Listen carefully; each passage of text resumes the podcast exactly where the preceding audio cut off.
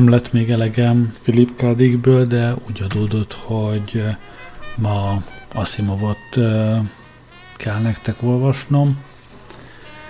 Méghozzá novellát. Asimovot én már, én már um, olvastam itt, vagy nem is olvastam, azt talán csak elmeséltem nektek, nem fiction történeteit, de, de most igazi science fiction lesz, nagyon korai novella. 1939-ből van ez az első novella, és korban is hozzáilleszkedő Louis Armstrongot választottam zenének.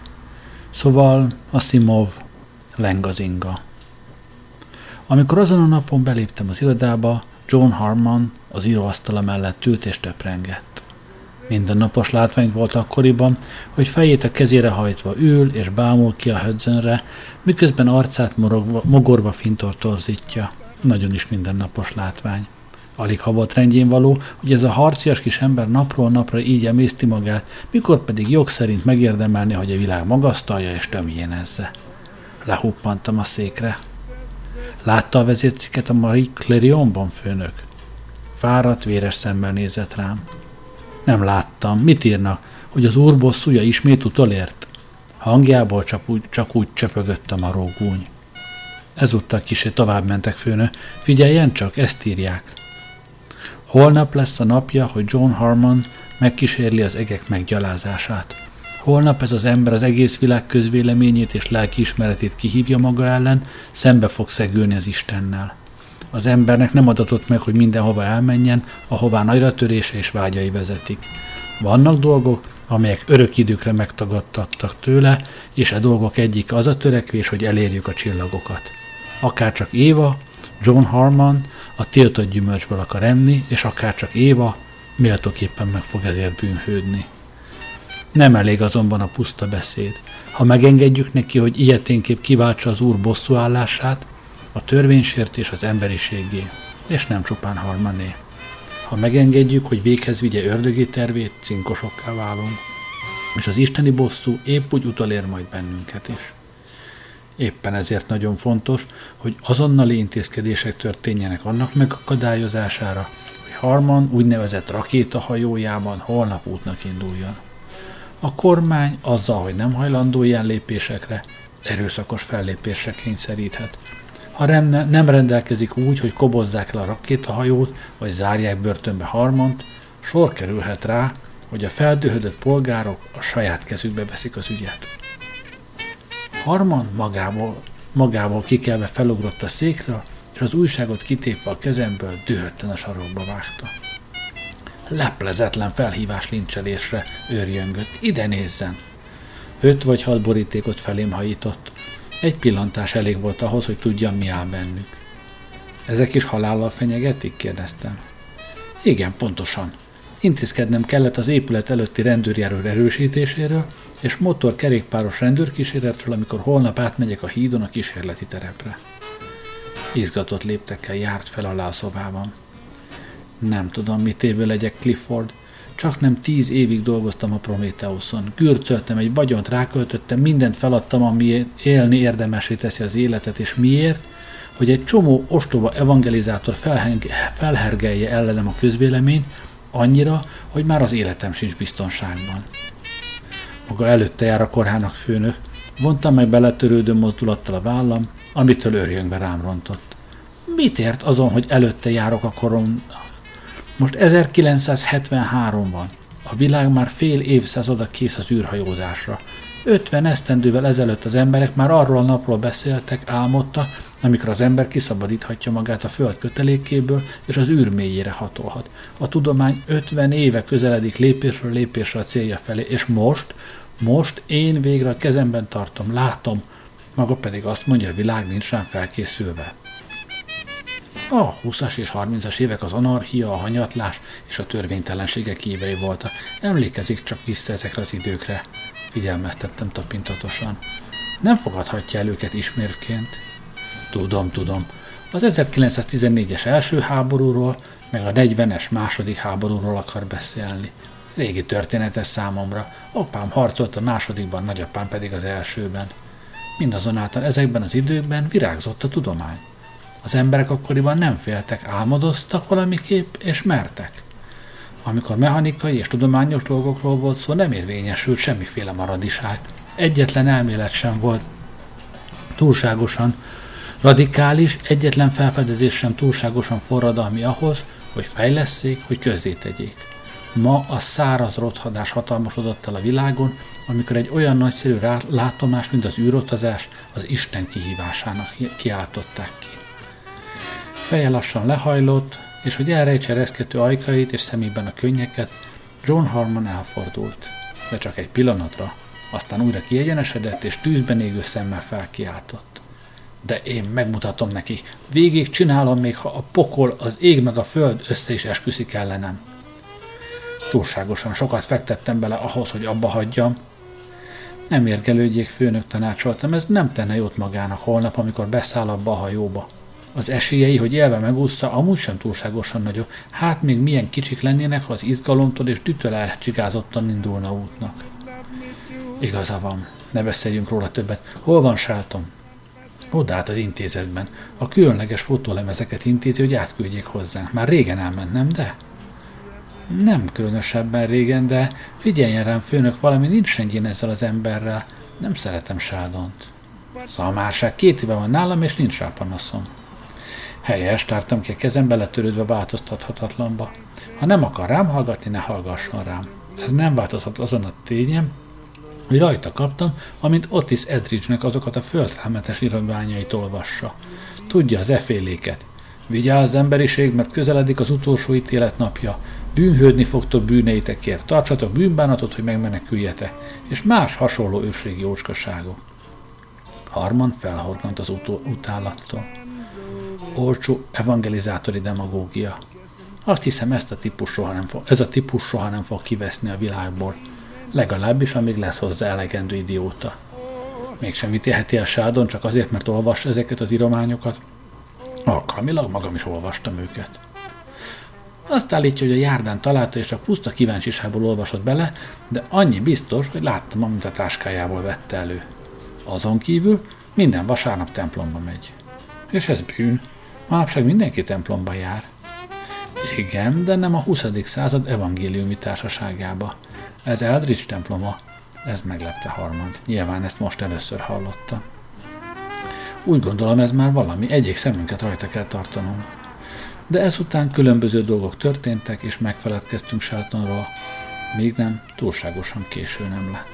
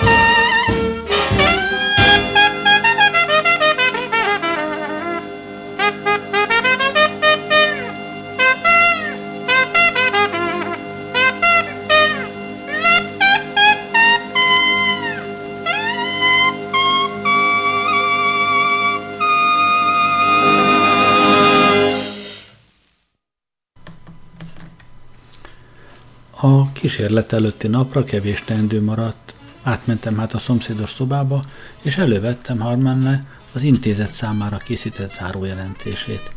Az én dolgom volt a belécsúszott tévedések vagy elírások kiavítása, de attól tartok nem voltam eléggé alapos. Az igazat megvalva nem tudtam összpontosítani a figyelmemet. Minden pillanatban saját gondolataimba merültem el. Furcsának tűnt ez a lárma, amit az űrutazás körül csaptak, amikor Harman vagy hat hónappal ezelőtt bejelentette, hogy a Prometheus építése a befejezéséhez közeledi, a tudományos körök újjongtak. Természetesen kijelentéseiben óvatosak voltak, és minden szavukat mérlegre tette, de lelkesedésük őszinte volt. A tömegek azonban nem így fogadták a bejelentést. Önöknek a 21. században ez talán furcsának tűnik. Nekünk azonban a 73-as évnek azokban a napjaiban bizonyára számolnunk kellett volna vele. Az emberek nem voltak valami haladóak akkoriban. Éveken át fellendülőben volt a vallásosság, és amikor az egyházak egyöntetően szót emeltek Harman rakétája ellen, nos, előállt ez a helyzet. Először az ellenállás az egyházakra korlátozódott. Mi pedig azt hittük, hogy az fokozatosan meg fog szűnni. De nem így történt. Az újságok felkapták a dolgot, és szó szerint elterjesztették az evangéliumot. Szegény Harman meglepően rövid idő alatt a világi közösítettje lett, és akkor elkezdődtek a bajok.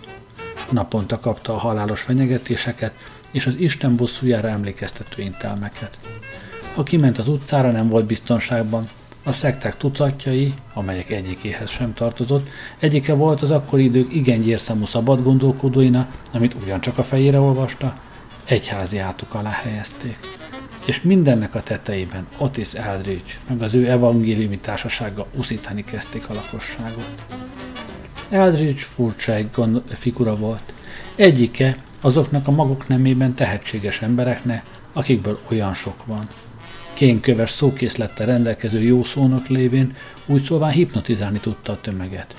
20 ezer ember olyan volt a kezében, mint a git, ha halló távolságba tudta kapni őket. És négy hónapig mennydörgött Harman ellen. Négy hónapig özönvízként áradt szájából a nyilvános kárhoztatás őrjöngő szónoklatok formájában. És négy hónapig gyűlt a világ haragja. De Harmant nem lehetett meg, megijeszteni apró 5,2 lábnyi termetébe annyi bátorság szorult, mint 5-6 láb magas emberbe. Minél inkább üvöltöttek a farkasok, annál szilárdabban vetette meg a lábát ott, ahol állt. Csak nem isteni, ellenségei szerint ördögi, konoksággal tartott ki álláspontja mellett, s egyetlen hüvelyknyivel sem hátrált meg. Ám külső szilárdságában én, aki ismertem őt, csak nagy belső szomorúságának és keserű csalódottságának tökéletlen leplezését láttam. Amikor ideig értem gondolataimban, megszólalt a bejárati csengő, és én meglepetten talpra ugrottam. Azokban az időkben nagyon kevés látogatónk volt. Kinéztem az ablakon, és egy magas, testes alakot láttam, amint Cassidy rendőrőrmesterrel beszélget. Rögtön megismertem, Howard Winstead volt az intézet igazgatója. Harman kisietett az üdvözlésére, és miután néhány szót váltottak, bejöttek az irodába.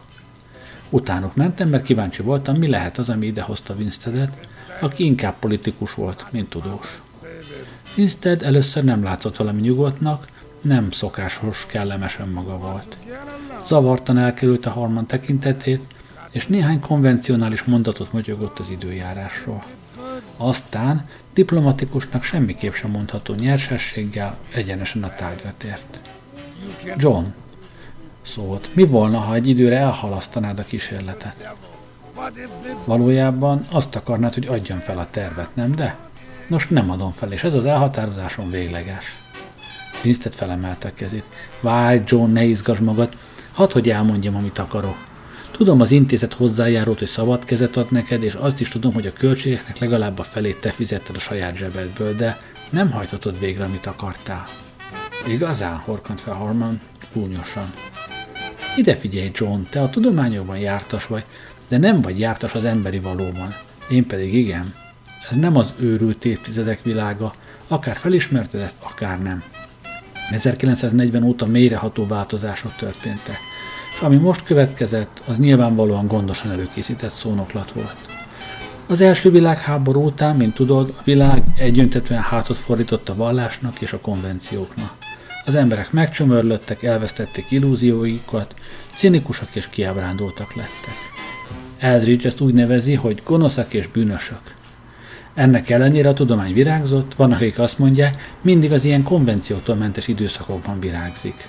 A tudomány szempontjából ez aranykor volt. Mindazonáltal ismered a korszak politikai és gazdasági történetét. A politikai zűrzavar és a nemzetközi anarchia időszaka volt. Öngyilkos, ostava, tébolyult időszak. A második világháborúban csúcsosodott ki. És ahogy az első világháború a kiábrándultság időszakához vezetett, a második kiváltotta a valláshoz való visszatérést. Az emberek megcsömörlöttek az őrült évtizedektől. Elegük volt belőlük, és mindennél jobban féltek a hozzájuk való visszatéréstől. Ennek még a lehetőségét is kizárandó, megtagadták azoknak az évtizedeknek a szokásait. Mint látod, indítékaik érthetőek és dicséretesek. vége a szabadságnak, a kiábrándultságnak, a konvenciók hiányának, mindez ma már a múlté. Egy második viktoriánus korban élünk, és ez természetes is, hiszen az emberi történelem az inga lengéseit követi, és az inga most a vallás és a konvenciók felé len ki. A fél évszázaddal ezelőtti időkben csupán egy dolog maradt érintetlenül. Az emberiség tudomány tisztelete. Szesztilalom van nálunk, a nők dohányzását törvény tiltja, tilos a kozmetikai szerek használata, a kivágott ruha és a rövid szoknyoma ismeretlen. A vállást elítéljük. Ám a tudományt nem korlátoztuk, eddig még. A tudománynak kötelessége hát, hogy körültekintő legyen, és ne lázítsa fel maga ellen az embereket. Nagyon könnyű elhitetni velük, és Otis Eldridge veszélyesen közel került hozzá, hogy ezt megtegye egyik-másik beszédében, hogy a második világháború borzalmait a tudomány hozta ránk.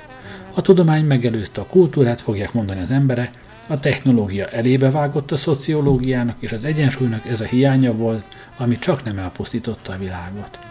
Nem tudom, de hajlok rá, hogy azt higgyem, van valami ebben. De tudod, mi történik, ha valaha is sor kerülne erre? A tudományos kutatást akár be is tilthatják. Hogyha ilyen messzire nem is mennek el, egész biztosan olyan szigorúan szabályozzá, hogy ezzel megfojtanák hanyatlásba kényszeríteni. Ez pedig olyan súlyos csapás volna, amelyből az emberiség egy évezred alatt sem térne magához. Márpedig a te kísérleti repülésed az, ami mindezt kiválthatja. A közvéleményt annyira felizgatott, hogy nehéz lesz megnyugtatni őket. Figyelmeztetlek, John. A következmények téged sújtanak majd. Egy pillanatra halotti csönd volt, aztán Hormon arcára kényszeredett mosolyült. Hallod-e, Howard? Árnyakat látsz a falon, és megijedtél tőlük. Azt akarod mondani, hogy komolyan hiszed, a világ úgy, ahogy van, kész elmerülni egy második sötét középkorban? Elvégre is az értelmes emberek a tudomány oldalán állnak, nem gondolod? Hát, ha így van, nem sok marad belőlük szerintem. Mr. pipát vette a zsebéből, és amíg lassan megtömte dohányjal, folytatta. Eldridge két hónappal ezelőtt megalapította a Becsületesek Ligáját. BL-nek hívják magukat, és létszámok hihetetlenül megnőtt. Csak az Egyesült Államokban 20 millió tagjuk van. Eldridge azzal kérkedik, hogy a következő választások után ővé lesz a kongresszusi többség, és ebben alig, ha nem több az igazság, mint a bluff. Már is serénkilincselés folyik egy olyan törvény érdekében, amely megtiltaná a rakéta kísérleteket. Igen, John, veszélyesen közel vagyunk ahhoz, hogy üldözni kezdjék a tudományt. Gyors, ideges tippantásokkal pöfékelt. Nem mi van, ha sikerül a kísérletem, Howard?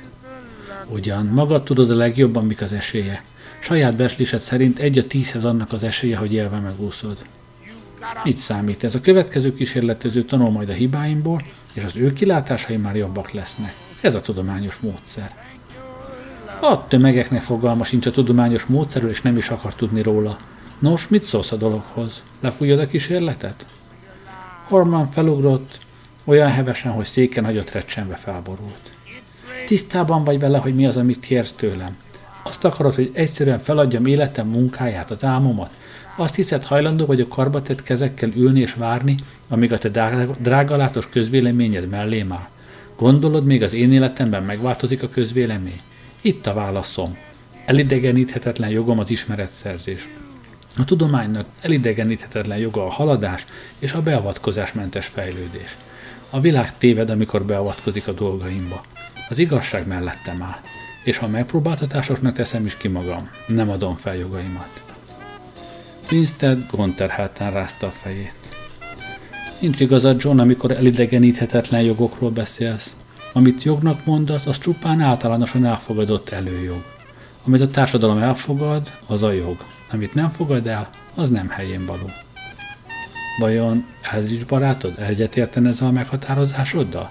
kérdezte keserűen Harman. Nem, nem értene egyet, de ez nem is fontos. Vedd azoknak az afrikai törzseknek az esetét, akik mindig is kanibálok voltak. Úgy nőttek fel, mint kanibálok, náluk az emberevés sok évszázados hagyomány, és a társadalmuk elfogadja ezt a gyakorlatot. Az ő szemükben az emberevés helyes dolog, és miért is ne lenne az? Láthatod hát, hogy milyen viszonylagos az egész fogalom, és hogy milyen semmit mondó az elgondolásod arról, hogy a kísérletek végzése a te elidegeníthetetlen jogod.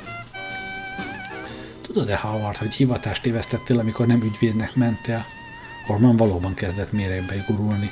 Minden molyrákta érvet előszedtél, ami csak eszedbe jutott. Az Isten szerelmére ember, miért teszel úgy, mintha bűnnek tartanád, ha valaki nem akar együtt üvölteni a tömeggel? Csak nem akarod a feltétlen egyöntetűség, szokványosság, ortodoxia, közhelyszerűség igazán? A tudomány sokkal hamarabb kimúlnék az általad vázolt program alapján, mint törvényhozási tilalmak következtében. Horman felállt és vádló ujjakkal mutatott a másikra. Elárulod a tudományt, és az olyan dicső lázadók hagyományát, mint Galilei, Darwin, Einstein és a hozzájuk hasonló. A rakétám holnap a tervezett időben útnak indul, bármit mondasz is, te meg a többi vaskalapos az Egyesült Államokban. Ez az utolsó szavam, és a továbbiakban nem vagyok kíváncsi a véleményedre. Jó napot, kintágasabb!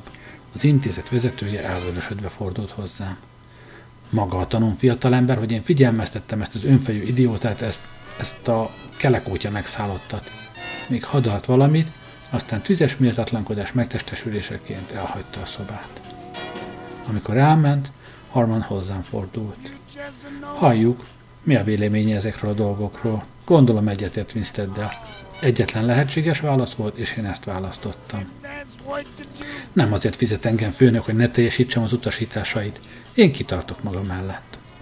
Ebben a pillanatban sáton jött be, és Harman mindkettőnket elzavart, hogy Isten tudja hányadszor nézzük át a röppályára vonatkozó számításokat. Ő maga pedig elment, hogy lefeküdjön.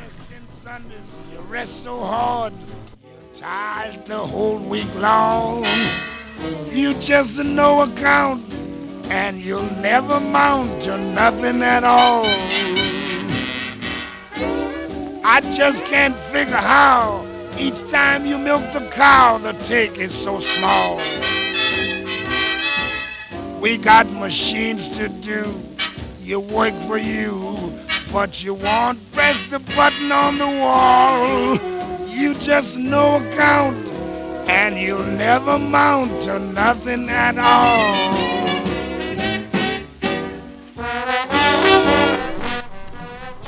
Másnap, július 15-én páratlan tündöklő hajnalra ébredtünk, és Horman, Shelton meg jó magam csak nem vidám hangulatban keltünk át a Hudsonön, és mentünk oda, ahol megfelelő rendőri erőktől körülvéve, ragyogó nagyszerűségében magasodott a Prometheus.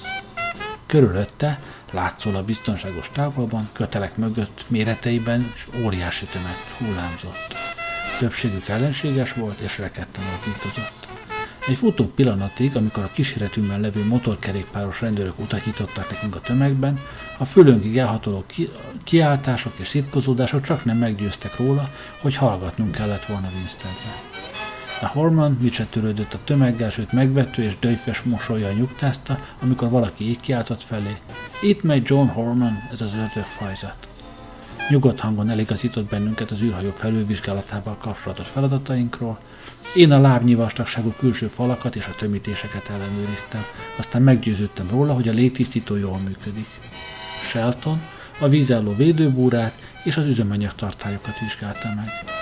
Végül Horman kipróbálta az esetlen űrruhát, azt megfelelőnek tartotta és bejelentette, hogy útra kész. A tömeg megmozdult. Némelyek kutya futtában deszkákból egy dobogót eszkábáltak össze, és azon egy meglepő figura emelkedett ki a tömegből. Magas, szikárember, keskeny aszkét arc, mélyen ülő égő szemek, fürkészűek és félig csukotta, és mindezt sűrű fehér serény koronázza meg. Otis Eldridge volt. A tömeg azonnal felismerte és sokan tapsoltak. A lelkesedés nőtten nőtt, és hamarosan az egész forrongó embertömeg reketten üvöltve eltette. Kezét felemelve csendre intett a tömeget, majd Hormanhoz fordult, aki meglepetten és undorral nézte, és hosszú csontos ujjaival rámutatott. John Harmon, te ördögfajzat, sátán ivadék, gonosz célra jöttél ide. Arra készülsz, hogy szentségtörő módon megkíséred az áthatolást a fájtlon, amelyen túl az ember számára tiltott terület kezdődik. A paradicsom tiltott gyümölcsét ízleled meg, és vigyázz, nehogy a bűn gyümölcseit ízleld. A tömeg egetverő tetszés nyilvánításban tört ki, ő pedig így folytatta. Az Isten újja rád mutat John Harmon. Nem fogja megengedni, hogy a művét bemocskolják. John Harmon, te ma meghalsz. Növekvő hangerővel beszélt, és az utolsó szavait profitai szenvedéllyel harsogtál. Harman lekicsindően elfordult. Erős, tiszta hangon a rendőri, rendőrőrmesterhez fordult. Őrmester úr, van rá mód, hogy eltávolítsuk ezeket a nézőket? A próbarepülés bizonyos pusztítás kísérheti, mert a rakéta robban, márpedig ezek nagyon közel tülekszenek. A rendőrtiszt barátságtalan éles hangon válaszolt. Ha attól fél Mr. Holman, hogy a tömeg megtámadja, miért nem ezt mondja? De ne aggódjék, mi visszatartjuk őket. Ami pedig azt a veszélyt illeti, ami ettől a szerkentyűtől ered, fintorogva hangosat sercentett a Prometheus irányába, mivel a gúnyos kitörések és üvöltések áradatát váltotta ki. Horman egy szőr szót se szólt, csak csendben bemászott a hajóba. Amikor ezt tette, különös fajta csendülte meg a tömeget, tapintható feszültség. Nem történt kísérlet a, a, az űrhajó megrohamozására, amit pedig én elkerülhetetlennek tartottam. Ellenkezőleg maga Otis Eldridge azt kiabálta az emberek felé, hogy vonuljanak hátrább. Engedjétek bűneihez a bűnöst, kiáltotta. Enyém a bosszú, mondta az úr. Amikor a pillanat közeledett, Shelton oldalba lökött. Táguljunk innét, suttogta feszült hangon, a robbanás méreg. Így szólván futásnak eredt, és nyugtalanul integetve nekem, hogy kövessen. Még el sem értük a tömeget, amikor borzalmas dörgés támadt mögöttem, a forró levegő egy hulláma söpört el felettem. Valamilyen robogó tárgy ijesztő sistergéssel húzott el a fülem mellett, és valami erőteljesen a földhöz vágott. Néhány pillanatig káboltan feküdtem, a fülem csöngött, és a fejem szédült. Amikor támolyogva ismét lábra álltam, rettenetes látvány tárolt elém. Nyilván a Prometheus egész üzemanyag készlete egyszerre felrobban, és ahol egy perccel ezelőtt még az űrhajó állt, ott most csak egy tátongó üveg látszott. Körös körül minden tele volt szórva felroncsokkal. Szívettépő volt a sebesültek jajgatás és a sok szétroncsolt test, de nem kísérlem meg, hogy képet adjak róluk. Figyelmemet magára vonta egy gyenge nyögés a lábamnál, oda néztem, és a rémülettel hápogni kezdtem, mert sáton feküdt ott, a tarkója csupa vér. Én tettem ezt. Hangja nyers volt és diadalmas, de ugyanakkor olyan halk, hogy alig hallottam. Én vagyok a tettes. Feltörtem a folyékony oxigénes tartályokat, és amikor a szikra átfutott az acetilén keveréken, az egész átközött mindenség felrobbant. Néhány mély lélegzetet vett, és megpróbált megmozdulni, de nem tudott. Egy roncsdarab úgy látszik megütött, de nem törődöm vele. Abban a tudatban halok meg, hogy hangja már csak reket nyöszörgés volt, és arcára kiült a vértanúk elragadtatott kifejezése. Ezután meghalt, és én képtelen voltam a szívemben elmarasztalni őt. Ekkor jutott eszembe Holman. Manhattanből és Jersey Cityből mentőautók voltak a helyszínen, és az egyik elrobogott mint egy 500 yardnyira egy fás térségre, ahol a fák koronájában fennakadva hevert a Prometheus első fülkéjének egy szétroncsolt töredéke. Oda sántikáltam, amilyen gyorsan csak tudtam, de már rég kiemelték Harmont, és elszirénáztak vele, mire odaértem. Ezután nem maradtam ott. A szervezetlen tömeg most csak a halottakkal és sebesültekkel törődött, de ha magukhoz térne, és minden gondjuk a bosszú lesz, az én életem annyit sem ér, mint egy szalmaszál. A megfontolt bátorság parancsát követtem, és csendben odébb álltam.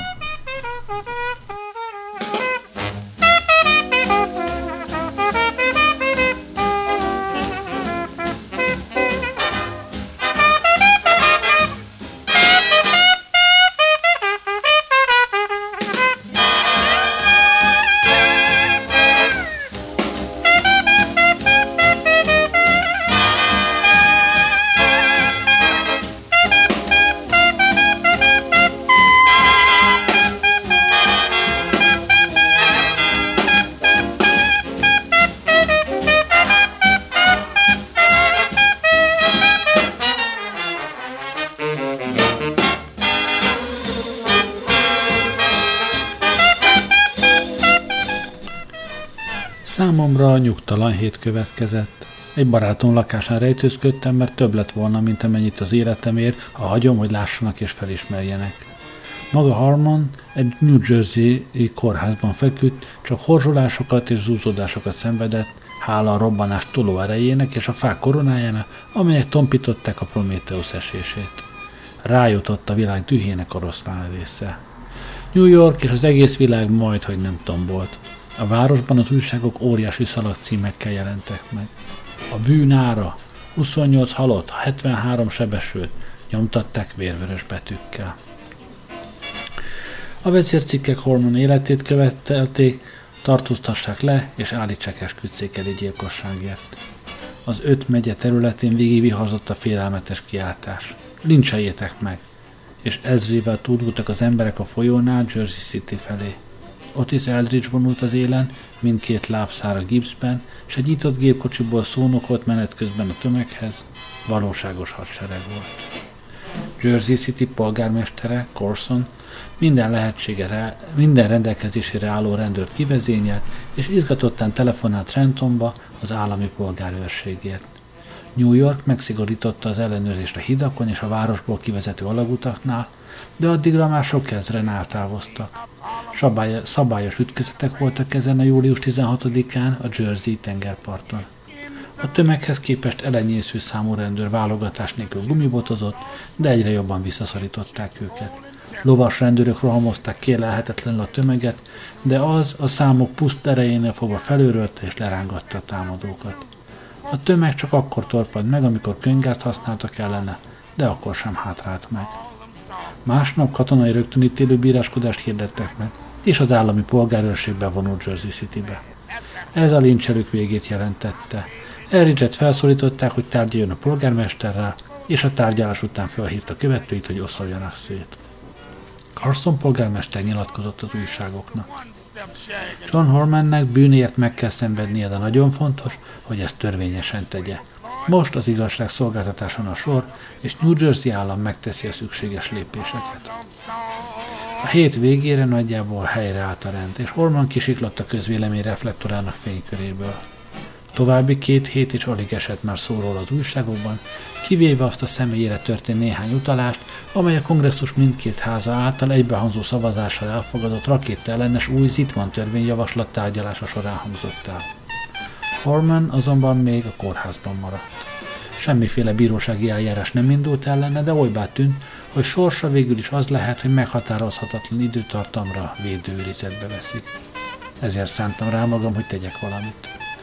A Temple kórház Jersey City egyik elhagyatott külső kerületében van, és egy sötét, holtalan éjszaka minden nehézség nélkül észrevétlenül behatoltam a kórház területére.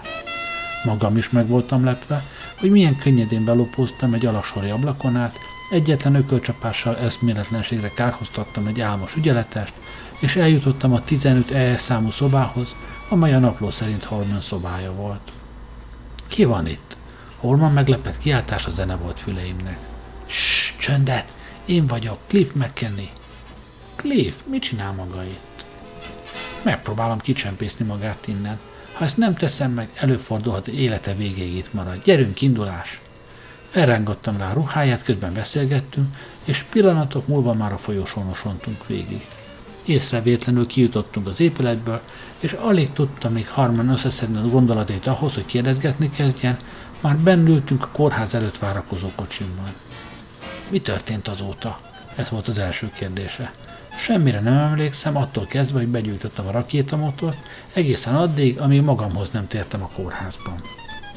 A kórházban semmit sem meséltek magának? Egy árva szót se esküdözött, pedig én már belerekedtem, annyit kérdeztem. Így hát elmondtam neki az egész történetet a robbanástól kezdve. A döbbent meglepetéstől kitágult a szeme, amikor a halottakról meg a sebesültekről beszéltem, és dülobbant bennük, amikor sáton árulásáról hallott. A lázongások és a lincselési kísérlet hallottán egy káromkodást folytott el összezárt ajkai között. Természetesen az újságok gyilkosságról üvöltöztek, fejeztem be a történetet, de a gyilkos címkét nem tudták magára tűzni. Próbálkoztak gondatlanságból elkövetett emberöléssel is, de túlságosan sok szemtanú volt, akik hallották, hogy a rendőrmestertől követelte a tömeg eltávolítását, de az megtagadta a követelés teljesítését. Ez természetesen mentesíti magát a vád alól. Maga a rendőrőrmester meghalt a robbanástól, így őt nem állíthatták oda bűnbaknak. Eldridge még mindig a búvóhelyéről üvöltözik, így sincs biztonságban. A legjobb volna, ha távoznék, mielőtt még nem késő. Horman beleegyezően bólintott. Eldridge nem, de túlélte a robbantást. Sajnos igen. Mindkét lábát eltörte, de ahhoz, hogy befogja a száját, több kell lennie. Egy további hét eltelt, mire elértem jövendő menedékünket, a nagybátyám minnesota farmját. Itt, ebben az elhagyatott és Isten háta mögötti falusi közösségben húztuk meg magunkat addig, amíg Horman eltűnése miatti felzódulás fokozatosan előtt, és a tesséklásik nyomozás utánunk megszűnt. Egyébként a nyomozás igen rövid volt, mert a hatóságok alig, hanem inkább megkönnyebbülten, semmi nyugtalanul fogadták eltűnésünk hírét.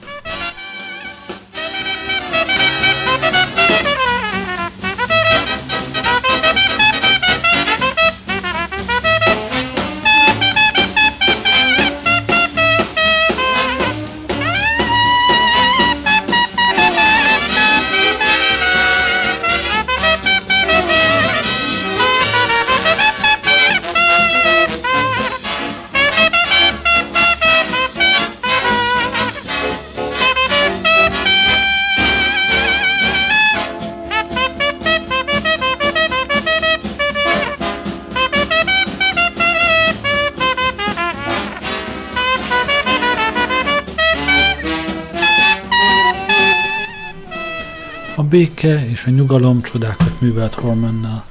Hat hónap alatt új embernek látszott, kész volt fontolóra venni egy második űrhajózási kísérletet. Márpedig, ha egyszer rátette lelkét valamire, nincs az a szerencsétlenség a világban, amely megállíthatná. Első ízben elkövettem azt a hibát, mondta nekem egy téli napon, hogy bejelentettem a kísérletet. Számításba kellett volna vennem az emberek hangulatát úgy, ahogy Winston mondta. Ezúttal azonban és a két kezét egymáshoz dörzsölve a táborban merengett. Elébük vágok. A kísérletet titokban fogom elvégezni, teljes titokban. Komoran elnevettem magam. Erre szükség is lesz. Van tudomás arról, hogy a jövőben minden rakéta kísérlet, még ha csak merőben elméleti kutatásról van is szó, halállal büntetendő? Szóval aggódik? Természetesen nem főnök, csupán megállapítok egy tényt. És íme egy másik puszta tény is – mi ketten egy magunk nem tudunk egy űrhajót megépíteni.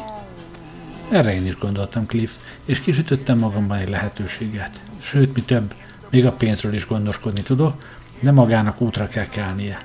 Először is el kell utaznia Chicagóba, és fel kell keresnie a Robertson Scranton céget, és fel kell vennie mindent, ami megmaradt az apai örökségemből. Bánatosan hozzátette, aminek több mint a fele elment az első űrhajóra. Aztán derítse ki régi csapatbeliek, Harry Jenkins, Joe O'Brien, Neil Stanton és a többiek hollétét, és amennyit csak tud közülük, és térjen vissza olyan gyorsan, ahogy csak lehet. Kifáraszt a késedelem. Két nap múlva útnak indultam Chicagóba. Nagybátyám hozzájárulását könnyen megszereztem az egész ügyhöz. Egy jó épp úgy felakaszthatnak, mint egy bárányér, morgott göthösen. Erigy hát, úgyis benne vagyok már nyakig. Rátehetünk még egy lapáttal, gondolom. Időbe tartott az út, hát még a sok rábeszélés, de végül sikerült rávennem négy embert, hogy velem jöjjön, a hármat, akiket Harman említett, és egy másikat, Saul Simonoffot. Ezzel az erősen csökkentett számú személyzettel és az a fél millióval, amennyit Horman meghagyott az apjától rámaradt állítólagos millióból, hozzákezdett főnököm a munkához.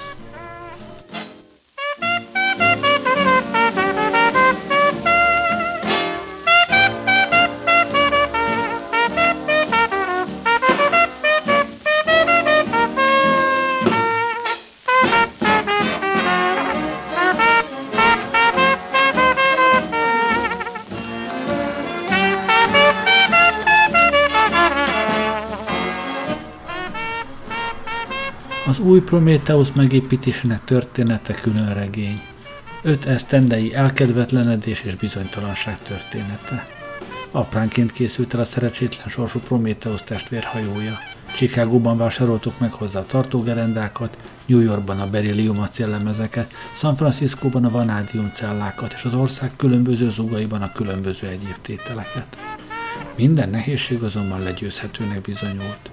Nehogy magunkra tereljük a gyanút, Bevásárlásainkat időben alaposan széthúztuk, valamint rendeléseinket különböző helyekre adtuk fel. Ehhez szükségünk volt barátok együttműködésére, mindazonáltal azok akkoriban nem tudták, hogy milyen célt szolgálnak a bevásárlásaink.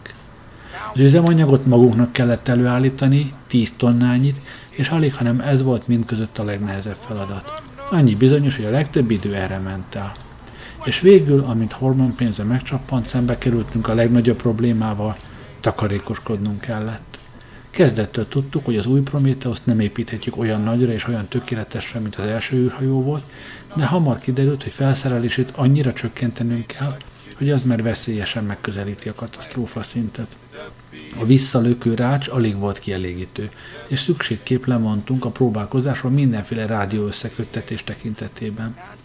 És az évek során, amíg mi Minnesota északi részén egy Isten háta mögötti területen dolgoztunk, a világ tovább haladt, és Winstead jóslatairól kiderült, hogy bámulatosan célba talált velük. Az 1973 és 78 közötti öt esztendő eseményeit jól ismerik a mai iskolás gyerekek. Ekkor tetőzött az, amit most új viktoriánus kornak nevezünk. Azoknak az éveknek a történései, ha most gondolunk vissza rájuk, úgy szólván hihetetlennek tűnnek. Az űrkutatás törvényen kívül helyezése az időszak legelején került sor. De ez az elkövetkező évek tudományos intézkedéseihez hasonlítva csak puszta kezdet volt. A következő 74-es kongresszusi választások eredményeként Eldridge kezébe került a kongresszus, és a szenátusban is feléje billent a hatalmi mérleg nyelve. Ettől kezdve nem vesztegették az időt. A 93. kongresszus első ülésszakán elfogadták a híres Stanley Carter törvényjavaslatot. Ezzel létrehozták a Tudományos Kutatások Szövetségi Nyomozóirodáját, TKSZ-eny amely teljhatalmat kapott az országban mindenfajta kutatás törvényességének kivizsgálására.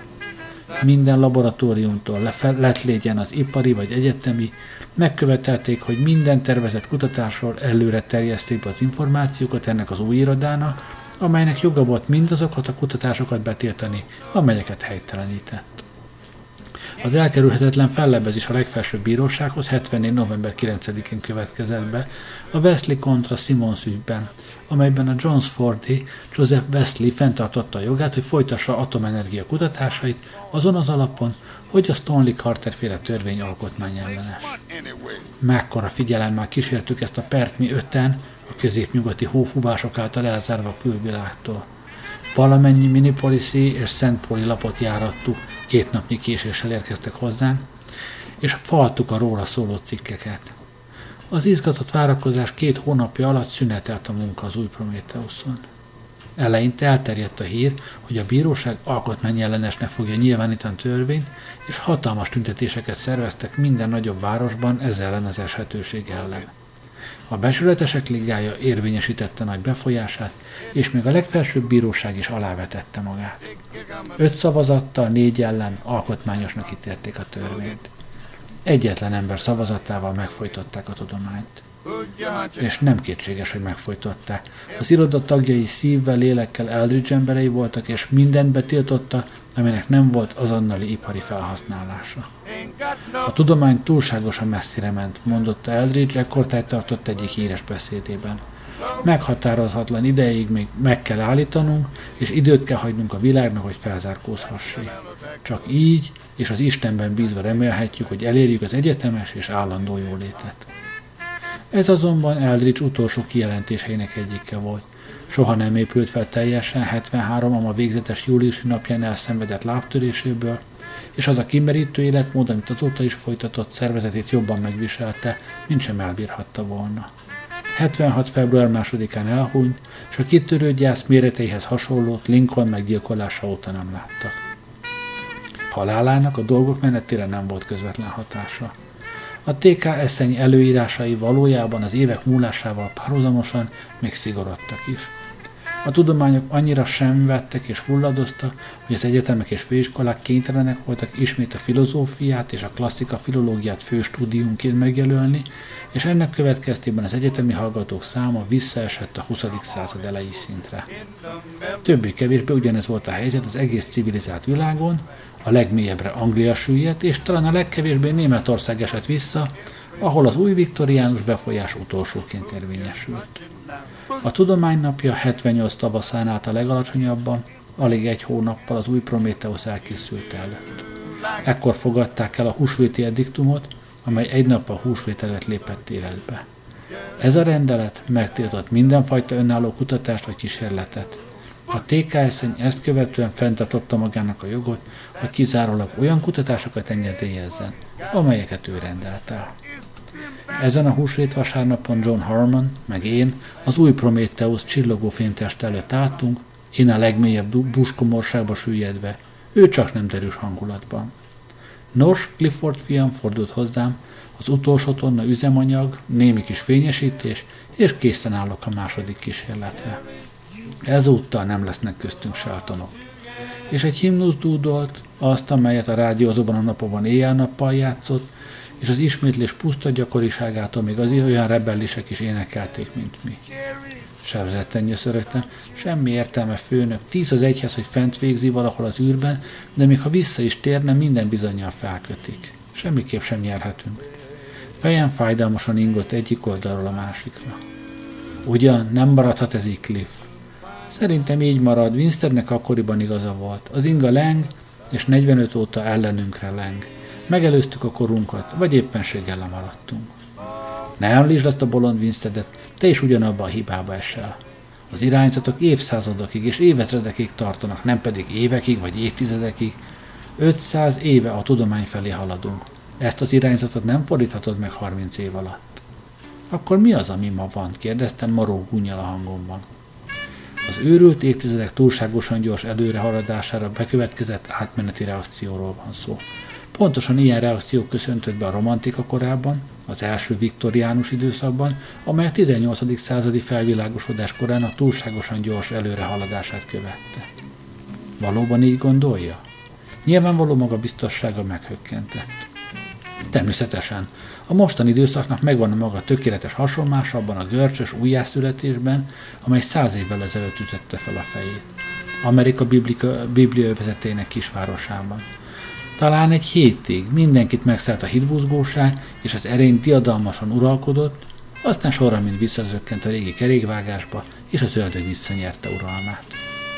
Valóban, ma is vannak jelei a visszazökkenésnek. A becsületesek ligája Eldridge halála óta egyik perpatvar éli át a másik után. Vagy fél tucatnyi frakció működik már. Azok a nagyon is szélsőséges intézkedések, amelyeket a hatalmon levők hoznak, segítenek nekünk, mert az országnak egyre inkább elege van az egészből. És ezzel véget ért a vita, mint rendesen az én tökéletes vereségemmel.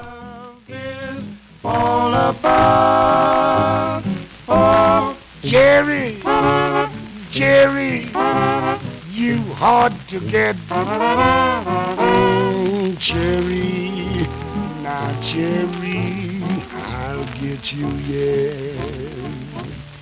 Jerry, Jerry, I'll get you, Jerry,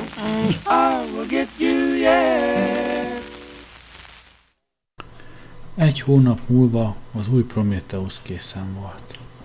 Távolról sem volt olyan fényes és gyönyörű, mint az eredeti, és a hevenyészet kézművesség sok nyomát viselte, de mi büszkék voltunk rá. Büszkék és diadalmasok. Megpróbálom hát újra emberek. Hormon hangja felindulástól folytott volt, és egész apró lénye reszketett a boldogságtól. Lehet, hogy nem sikerül, de ezzel nem törődöm. Szeme a várakozás izgalmától ragyogott. Végre áthatolok az űrön, és az emberiség álma megvalósul. Megkerülöm a holdat, és visszatére, az első leszek, hogy megtekintem a túloldalát. Megéri a kockázatot. Nem lesz elég üzemanyag ahhoz, hogy leszálljon a holdon főnök. Kár, mondottam. Nem számít, ezt követően lesznek további repülések, és azokat majd jobban készítik elő, és jobb lesz a felszerelés is. Az őt körülvevő kis csoport erre borulátó pusmogásba kezdett, de oda se figyelt. Isten velük mondta, a viszontlátásra és széles, derült mosolyal az arcán bemászott az űrruhájába. 15 perc múlva ott ültünk öten a nappali asztala körül, összeráncolt homlokkal gondolataimba merülve. Szemünk az épületen kívül arra a pontra merett, ahol a megperzselt föld jelezte azt a helyet, ahonnan néhány perccel előbb útnak indult az új Prométeusz. Simonov adott hangot annak a gondolatnak, amely mindannyiunk fejében jelen volt. Talán jobb volna neki, ha nem térne vissza. Ha visszatér, azt hiszem nem bánnak vele majd kesztyűs kézzel. És mi, többiek, szomorú egyetértéssel bolintottunk. Milyen bolondosnak tűnik nekem most ez a jóslat három évtizeddel később. De könnyű utólag bőrsnek lenni. A történet vége valójában nem az enyém, mert Hormont csak egy hónappal azután láttam viszont, amikor nagy jelentőségű útja biztos földetéréssel véget ért. Csak nem 36 órával az indítás után egy víjogó repülőtest hasította Washington felett az eget, és a Potomac túloldalán bevágódott a sárba. 15 perc múlva a helyszínre érkeztek az első kíváncsiak, és további 15 perc múlva ott volt a rendőrség, mert kiderült, hogy a repülő tárgy egy rakétahajó volt. Akaratlan tisztelettel bámultak arra a fáradt, borotválatlan emberre, aki ragyadozva kitámolygott a hajóból. Halálos csönd volt, amikor a férfi a bámészkodó nézők felé az öklét rázva így kiáltott. Gyerünk, akasszatok fel, ostobák! De elértem a holdat, és ezt nem tudjátok felakasztani. Riasszátok a TKS szerint. Meg lehet ők majd törvénytelennek, következésképp nem létezőnek jelentik kerepülést. Gyenge nevetés hagyta el torkát, aztán hirtelen összeesett. Valaki felkiáltott. Vigyék kórházba, beteg! A valóban öntudatlan Hormont beemelték egy rendőrautóba és elvitték, közben a rakétahajó körül őrség alakult. Kormányhivatalnokok érkeztek és megvizsgálták a hajót, elolvasták a hajónaplót, megtekintették a holdról készített rajzokat és fényképeket, és végül csendben eltávoztak. Egyre nagyobb lett a tömeg, és terjedt a hír, hogy valaki elérte a holdat. Különös kép a tény alig váltott ki felháborodást. Az emberek megilletődöttek voltak, és félelemmel vegyes tiszteletet éreztek. A tömeg suttogott, és fürkésző pillantásokat vetett a ragyogó napsütésben alig látható, halvány holdkaréra. A súlyos csönd fátyola mindent betakart, a határozatlanság csöndje. Aztán a kórházban Horman felfedte személyazonosságát, és a szeszélyes világ megvadult. Horman maga is elszédült a meglepetéstől, hogy milyen gyorsan megváltozott a világ hangulata. Szinte hihetetlennek tűnt, és mégis igaz volt. A titkos elégedetlenség és a megsemmisítő veszélyekkel szembeszálló ember hős története, az a fajta mese, amely az idők kezdette óta fel, felkavarja az emberi lelket, együttesen odahatott, hogy mindenkit elkapott az antiviktorianizmus egyre dagadó árja. Eldridge pedig halott volt, és senki sem tudott a helyébe lépni. Röviddel ezután találkoztam Hormannal a kórházban. Alá volt támasztva vánkosokkal, és ennek ellenére félig elbarították az újságok, a táviratok és a levelek. Csúfondárosan rám mosolygott és bólintott. Nos, Cliff, az inga újra visszalendült.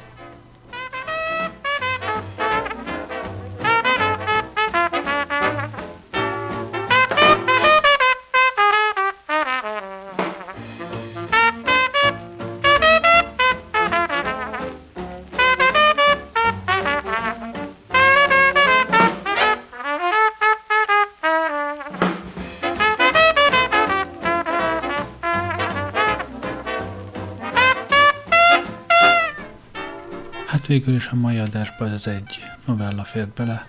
Köszönöm, hogy velem voltatok ma este.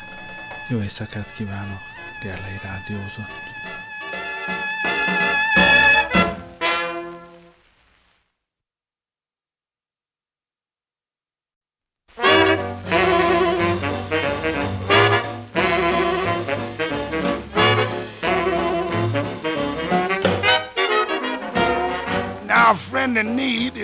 Is a friend indeed, is a saying true but old.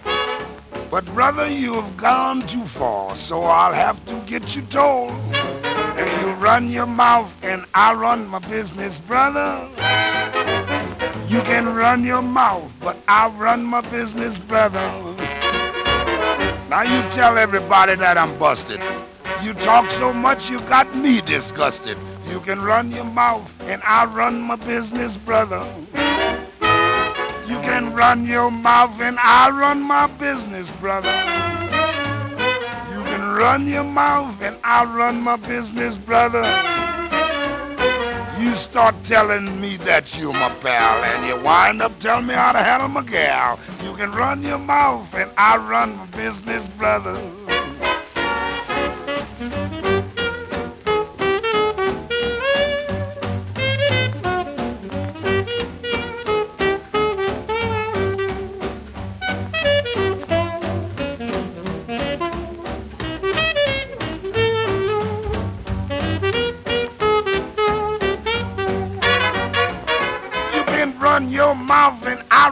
Business, brother.